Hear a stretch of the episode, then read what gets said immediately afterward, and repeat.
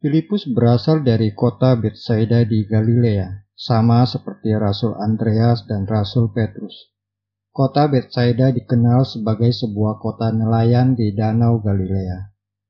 Dipercaya Filipus juga seorang nelayan dan mengenal Rasul Andreas dan Rasul Petrus. Nama Filipus berasal dari bahasa Yunani Filipos yang artinya pencinta kuda atau penyayang kuda. Tidak ada makna khusus untuk nama itu. Selain Filipus adalah seorang Yahudi dengan nama Yunani, yang diyakini memang Filipus akrab dengan budaya dan bahasa Yunani. Filipus merupakan salah seorang dari para rasul Tuhan Yesus. Sehari sebelum Tuhan Yesus memutuskan untuk pergi ke Galilea, Tuhan Yesus telah memanggil Yohanes, Andreas, dan juga Petrus. Kemudian sehari setelahnya Tuhan Yesus bertemu dengan Filipus dan berkata, "Ikutlah aku." Kitab suci tidak menceritakan respon Filipus atau bagaimana sikap Filipus terhadap panggilan Tuhan Yesus. Selain Filipus mengikuti Tuhan Yesus dengan penuh sukacita.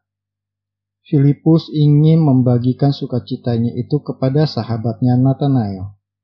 Ia pun pergi mendapatkan Nathanael. Kami telah menemukan dia yang disebut oleh Musa dalam kitab Taurat dan oleh para nabi. Kata Filipus. Yaitu Yesus dari Nazaret. Nathanael tidak terlalu antusias pada awalnya. Menurutnya Nazaret hanyalah sebuah kota kecil dan bukannya sebuah kota besar dan penting seperti Yerusalem.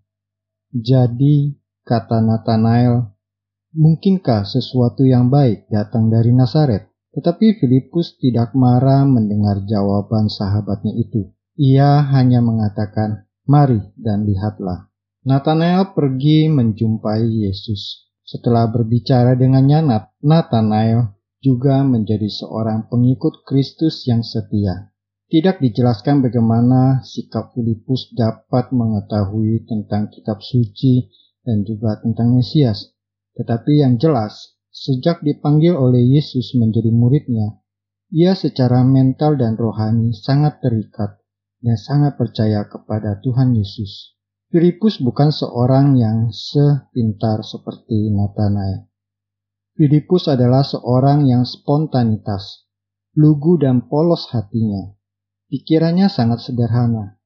Pikirnya kalau Mesias sendiri yang datang kepadanya, maka ia harus mewartakan sukacita itu kepada orang lain. Dan orang pertama-tama itu adalah Nathanael sahabatnya.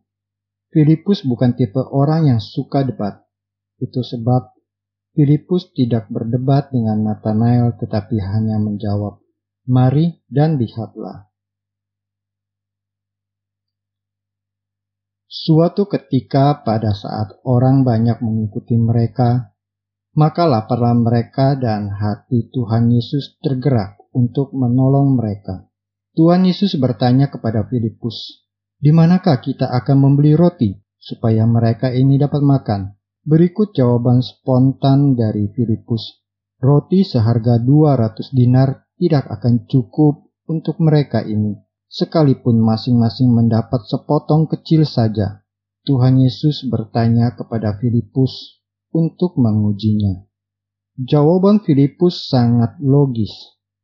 Dengan semua uang yang ada untuk membeli semua roti, memang tidak akan bisa dibagikan kepada orang-orang itu karena sangat banyak jumlahnya.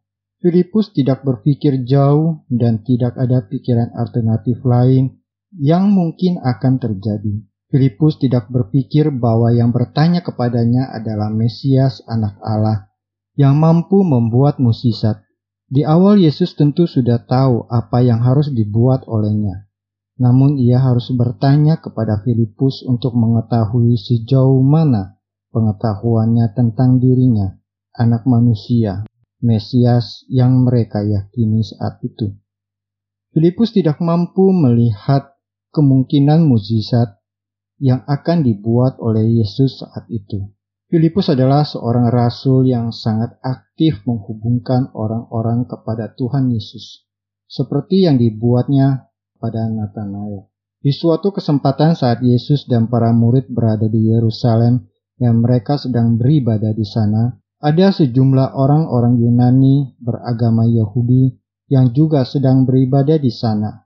Menariknya mereka mencari Filipus terlebih dahulu.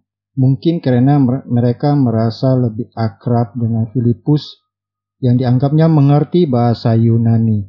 Lalu Filipus meminta bantuan Andreas sehingga orang-orang Yunani ini bisa bertemu dengan Yesus. Menurut Injil Yohanes, tak kala Yesus sedang mengadakan perjamuan Paskah Yahudi bersama para murid. Pada saat itu Yesus menjelaskan tentang Allah Bapaknya. Saat itu Yesus menyampaikan sekali lagi tentang dirinya dan tentang Bapaknya. Barang siapa yang mengenal anak, maka ia juga mengenal Bapa. Yesus menjelaskan kalau ia harus pergi ke rumah Bapa sebelum mereka. Filipus karena keluguannya secara spontan bertanya kepada Yesus, Tuhan, tunjukkanlah Bapa itu kepada kami. Itu sudah cukup bagi kami. Pertanyaan Filipus itu memperoleh sebuah teguran. Telah sekian lama aku bersama-sama kamu, Filipus, namun engkau tidak mengenal aku. Barang siapa yang telah melihat aku, ia telah melihat Bapa. Bagaimana engkau berkata, tunjukkanlah Bapa itu kepada kami? Filipus terkejut dan karena menyadari sangat sedikit dia mengenal Yesus secara pribadi. Tetapi kita harus mengapresiasi Filipus, karena pertanyaan itu para murid dan kita semua juga baru tersadarkan kalau Allah Bapa ada di dalam Yesus dan Yesus ada dalam Bapa.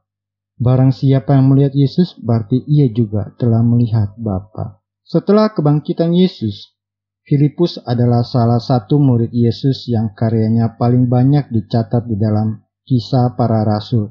Selain Petrus dan Paulus, Filipus pergi memberitakan Injil di Samaria di sana ia membuat begitu banyak tanda mukjizat sehingga penduduk kota dengan bulat hati menerima kabar gembira yang dibawanya.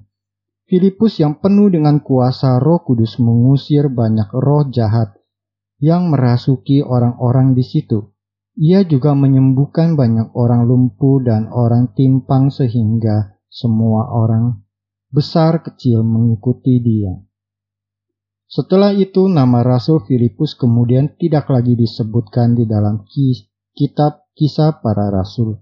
Menurut tradisi masyarakat Kristen perdana, Filipus berkarya di Syria, Frigia, dan sekitar Asia Kecil di mana ia kemudian wafat sebagai martir di Hierapolis, Frigia, sekarang wilayah Turki.